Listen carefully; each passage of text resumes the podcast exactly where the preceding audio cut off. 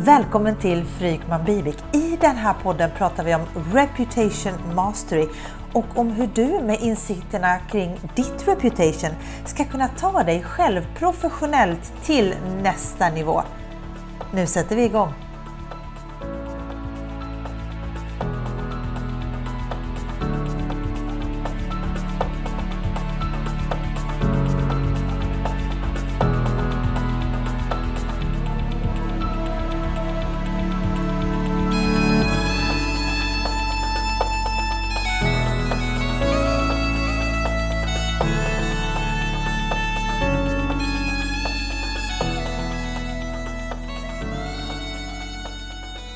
Välkommen till Frykman Vivik. Det här är Magdalena Vivik. Och det här är Per Frykman. Och i den här podden pratar vi om Reputation Mastery. Med allt vad det innebär för att du med hjälp av ditt reputation ska kunna ta dig till nästa professionella nivå oavsett vad det innebär för dig. Och idag har vi ett roligt ämne. Det kan bli riktigt nördigt för vi ska prata om gaps. Mind the gap. Välkommen Per. Tack. Jag ser, det, ser, fram emot det. Ja, det här ska bli kul. Det här ska bli kul. För vi har två, eller ett, ett och ett halvt gap som vi ska prata om. Vi kommer säkert komma in på fler gaps lite sådär spontant eftersom det är ett väldigt intressant ämne. Men först innan vi gör någonting annat så ska vi prata då om reputation gap och vad är det? Enkelt kan man, kan man säga att det är gapet mellan hur du tror att ditt reputation ser ut och hur det de facto ser ut. Och right. Eh, det är ofta, upptäcker jag efter tio år i branschen, ett väldigt stort gap. Vi har sällan en bra uppfattning om hur vårt reputation ser ut. Och jag skulle vilja säga att det här skapar tre viktiga frågor som man kan fundera över och den första frågan är ju naturligtvis hur man tror att ens reputation ser ut. Mm -hmm. Den andra frågan som tycker jag är spännande är hur jag skulle vilja att det ser ut. Ja. Och den tredje frågan är då hur det de facto ser ut. Och eh, så här kommer egentligen två stycken gaps på en gång. Just det. Men det som är spännande är ju att Ja, som jag sa, att de flesta har en väldigt diffus uppfattning om fråga ett, alltså hur man tror att det ser ut. Vilket då av naturen sänker höjden och det konkreta innehållet i fråga två, alltså hur man skulle vilja ja, att det ser ut. Så att det blir ofta väldigt luddigt, väldigt mycket ganska och ja, det, det blir inte, man, man, har, man har inte tänkt, tänkt den tanken ofta. Just och, sen, och då blir man ju lätt undervärderad. Man agerar inte med full kapacitet, man kan tappa diverse projekt och uppdrag på, på nolltid. Vi ska, vi ska backa bandet och så ska vi bena upp det du säger för den som, som har hoppat in i det här podden och säger bara what? Då, då är det så här, när man, gör, när man får sin, sin reputation-rapport, då får man, reda, får man reda på hur ens reputation ser ut i andras ögon. Men man svarar också på frågorna hur man då tror att det ser ut. Om man, liksom, man gör en självskattning vad gäller reputation. Och då menar du alltså att det jag tror om mig själv ofta är mycket lägre då än vad andra tror om mig. Ja? Ja, nästan alltid är det så. Var kommer det ifrån? Hur kommer det sig, tror du? En mängd olika skäl. Det i Sverige tror jag att det beror lite grann på en kulturell skillnad, lite janteeffekt. Mm. Och eh, ja, det gamla vanliga, man ska inte förhäva sig. Men den, den viktigaste orsaken är nog egentligen en kunskapsbrist. Alltså man har inte tänkt tanken hur viktigt ens reputation är. Man vet inte riktigt vad det består av och då kommer egentligen svaret. Det är väl ganska gott eller någonting åt det hållet. Ja, just det. Just det. Istället för att man ska få det konkret. Och om du menar då att om jag, om jag, då, om, om jag tror någonting men, men det är de facto på något helt annat sätt, då hade jag ju såklart velat veta det naturligtvis. Så att jag vet att oh, men här har jag utrymme att att befinna mig där eller göra det här. Alltså jag skulle, så, så som jag brukar säga ibland, få mandat att göra det här. När jag då kanske inte själv tror att jag räcker till eh, och så vidare. Eller? Ja, så man, jag skulle vilja säga att man får en helt annan plattform att agera utifrån. En plattform mm. som ligger på en, en högre nivå som öppnar upp nya möjlighetsfönster. Jag brukar ibland jämföra att man står på en studsmatta och hoppa, studsar mm. uppåt och, och varje gång man studsar så ser man ju nya möjligheter som öppnas upp. Just det. Vad, vad är det då? Så här, är det för att jag är liksom lite ödmjuk att inte ska väl jag, eller, eller tror jag verkligen inte, och det är svårt att, det kan ju vara på individnivå, men jag, jag tänker liksom att vissa människor kanske visst vet hur bra de är, eller, men, men så gör de ingenting åt det i alla fall, medan andra människor faktiskt inte vet. Har du upplevt båda? Nej, men jag har, jag har upplevt båda, men det jag tror det, det bottnar i grunden i att vi har liksom inte förstått det här att omgivningen ser våra våra framgångsfaktorer, våra styrkor, våra, vår expertis och våra buggar mycket bättre än vi själva gör. Alltså när det mm. går upp för en, ja men då förstår man ju ja. hur viktigt ens reputation är. Och så sa du att ettan sänker höjden i tvåan, alltså hur jag tror att mitt reputation ser ut. Om jag då inte vet, men då sänker det också i hur jag vill att det ska se ut. Mm. Det låter ju rimligt förstås. Vilket är viktigt för att det blir ju någon form av din egen vision inför framtiden. Jag menar, vad vill du uppnå om ett, två, tre år? Alltså hur vill jag att mitt reputation ska se ut? Precis. Eh, vilket är en väldigt spännande tanke.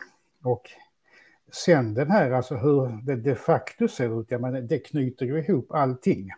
Ja. Eh, och då får du den här som jag pratar om, en helt annan plattform. Du höjer dig upp till en ny professionell nivå och ja, ja, ja, skapar som sagt var helt nya möjligheter som du förmodligen inte ens tänkt tanken.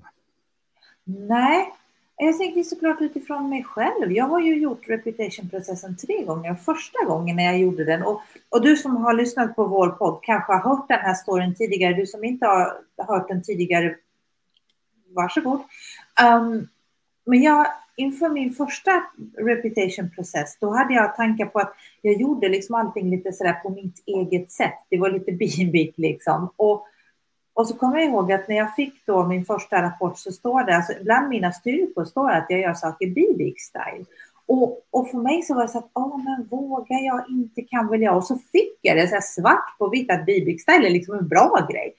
Uh, det gav ju mig en helt, annan, en helt annan plattform att agera på, för det var ju också, jag förstår att det var ju det folk ville ha.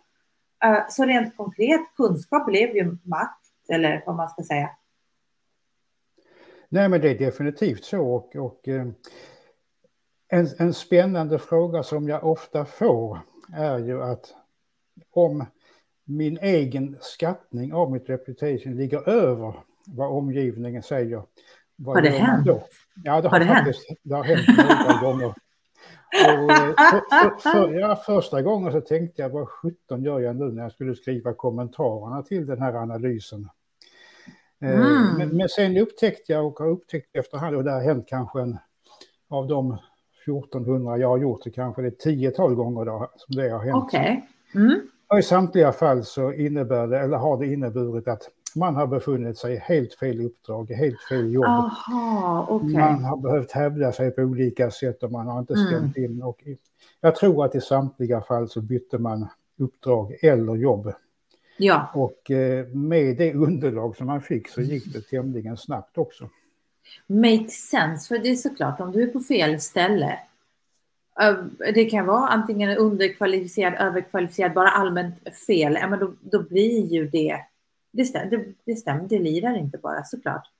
För mina... Nej, och, nej, och det, det, är därför som jag tycker det är så viktigt att när man känner till sitt, sitt reputation med alla styrkor som man har eller framgångsfaktorer, mm. att man verkligen ser till att med, med hjälp av dem befinna sig i uppdrag och jobb där de får fullt utlopp.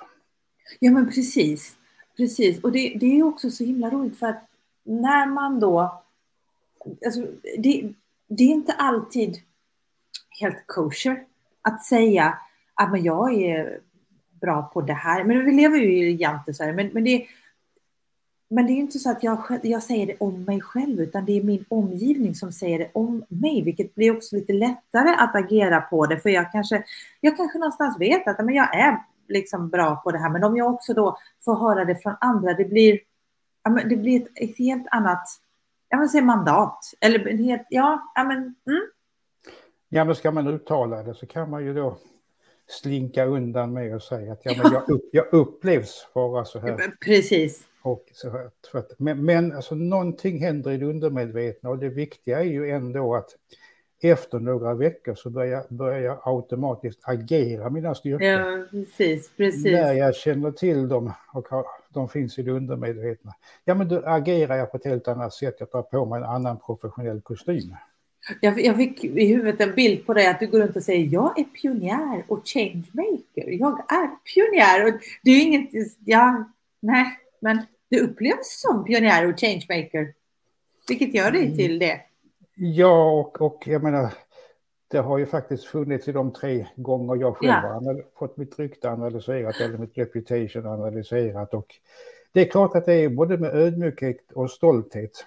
Sen säger jag aldrig att jag är, utan jag hänvisar alltid till mitt reputation. Jag kan inte heller säga att att få jobba med mig är opportunity of a lifetime. Jag skulle ibland vilja göra det när jag pitchar en kund, bara så du vet.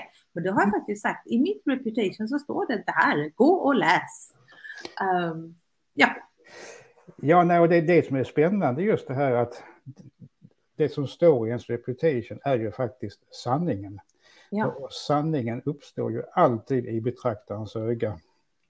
Och eh, jag, alltså, jag skulle ju aldrig kalla mig själv pionjär, jag skulle aldrig kalla mig själv changemaker. Jag skulle aldrig kalla mig själv expert. Nej. Men om jag upplevs vara det, ja. ja men då blir det på ett helt annat sätt. Då agerar jag också som jag vore det. Ja. Och to mind the gap. Alltså det, det börjar med att kunskapen om, kunskapen kring hur ser ens reputation ut. Um, och så kunskapen kring hur man då ska agera på det utifrån det man har fått reda på. För att jag kanske får reda på hur det ser ut och sen bara oj, men vad ska jag göra nu då? Där finns det också sätt att ja, sätta i verket det som man faktiskt får fram. Ja, också insikten att, och det här har vi också pratat om tidigare, att våra buggar, eller ja, det tidigare kallade svagheter, faktiskt kan vara en framgångsfaktor för att sätter du igång med något nytt, är du på väg någonstans, kanske mot en next big thing. Mm. Självklart har du buggar och, och i mm, de här klart. buggarna så göms kanske, eller förmodligen, en av dina viktigaste framgångsfaktorer. Ja. Och, och eh, ja, men det handlar ju om hela tiden professionell utveckling. Ja, visst är det så. Visst är det så. Du, kan jag prata med, om ett annat gap med dig som vi ofta pratar om, men nu också on the record? Vi har ju... Är, är, är, vi, är vi klara med reputation gap? Ja, ja, just shoot. För jag har ju det här expert gap, eller jag brukar prata om expertfällan som också då är ett gap. Som, som jag pratar mycket om med mina kunder som, som kanske kommer till mig då efter att ha jobbat med rapporten med dig och det, det är inte en utan det är fler. Um, som, som, har, som fastnar i det här som jag kallar för expertfällan, där det finns ett gap mellan den egna kunskapen och expertisen och att få kunden att förstå nu är det lite off topic för den här podden, men det är också ett bra gap att ta till sig, för det kan ju vara så att det som kommer ut ur reputation-rapporten eh, leder till att man skapar någonting eget och så. Där finns ju ytterligare mind the gap situation. Hur ska man jobba med den då? Du menar att få kunden att förstå hur bra jag är i stort sett? Ja, typ alltså få kunden mm. att, att förstå det jag säger, precis. Mm. Så, att, så att kunden, för att du har säkert också någon gång hamnat i ett läge att experten är så expertig att du fattar inte vad de menar. Och att det är på så hög nivå att du som, det, det finns liksom ingen relaterbarhet till mig som kund. Mm. Nej, men det gäller ju att, som sagt, att vi på olika sätt visar den expertis man har. Men mm. samtidigt också att via ens reputation få det bekräftat. Mm. Det vill säga att omgivningen ser också det jag själv utger mig för att vara. Mm. Och då börjar det hända spännande saker för att om jag sen lever upp till den expertis ja. som, som alltså den upplevda expertisen. Mm. Ja, men, och det är ju först då som det skapar förtroende. Ja men precis.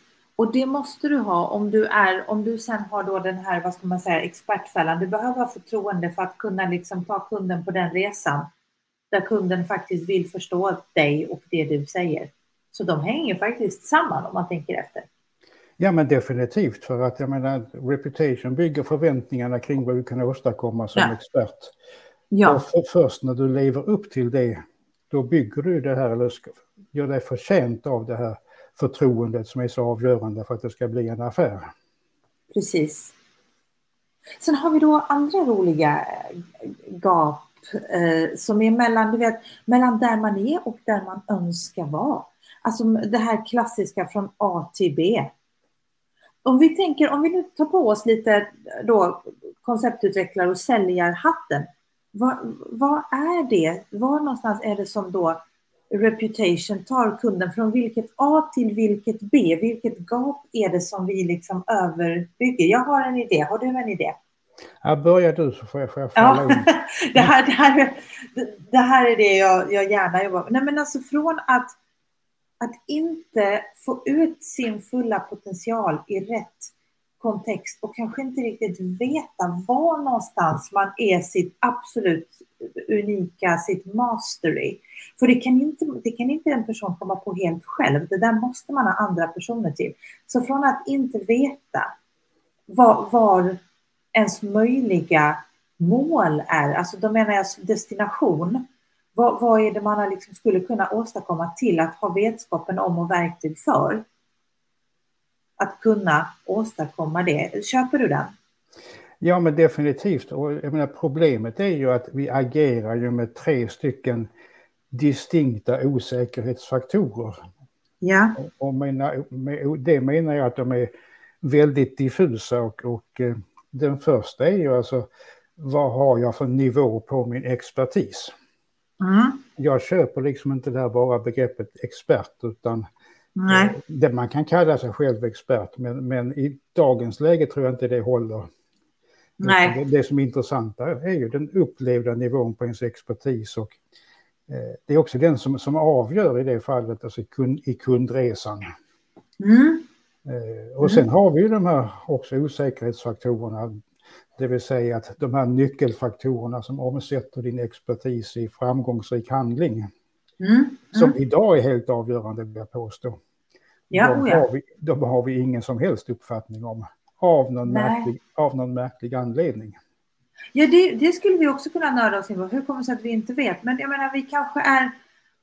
Det bottnar i vår kultur och i, i, i kanske bristfällig feedback genom åren. Det kan vara många olika saker. Men så att vi... Alltså- okunskap Mm. Ja, men det har, det har, inte betraktats som fint nog utan allting har ju handlat om våra hard skills. Jag menar, ja, ja. Vår, vår, vår, utbildning, var vi har varit anställda och så vidare. Men det här som, som är helt avgörande, ja, men det har man ju klumpat ihop. Jag menar, när jag började inom den här banan, jobbade med det här för 12-13 år sedan, ja men då kallar mm. man det för social kompetens. Det var, det var liksom Jaha. bekvämt, då var man av med det och så kunde man ägna sig åt det som var viktigare. Ja, just det. Eh, och sen fick det en liten renässans när man började kalla det för soft skills. Just det. Och då det. på samma, samma sätt då, ja men då hade man klumpat ihop det så var man av med det så kunde man återigen ägna sig åt något viktigare. Precis. Idag, och det vet vi idag, så kommer ju rapporter att de här genererar 85 procent av resultaten. Ja, ja, ja. Och då, ja. Kan, då kan vi inte hålla på att röja undan dem längre, utan nu Nej. måste vi lägga fokus på dem.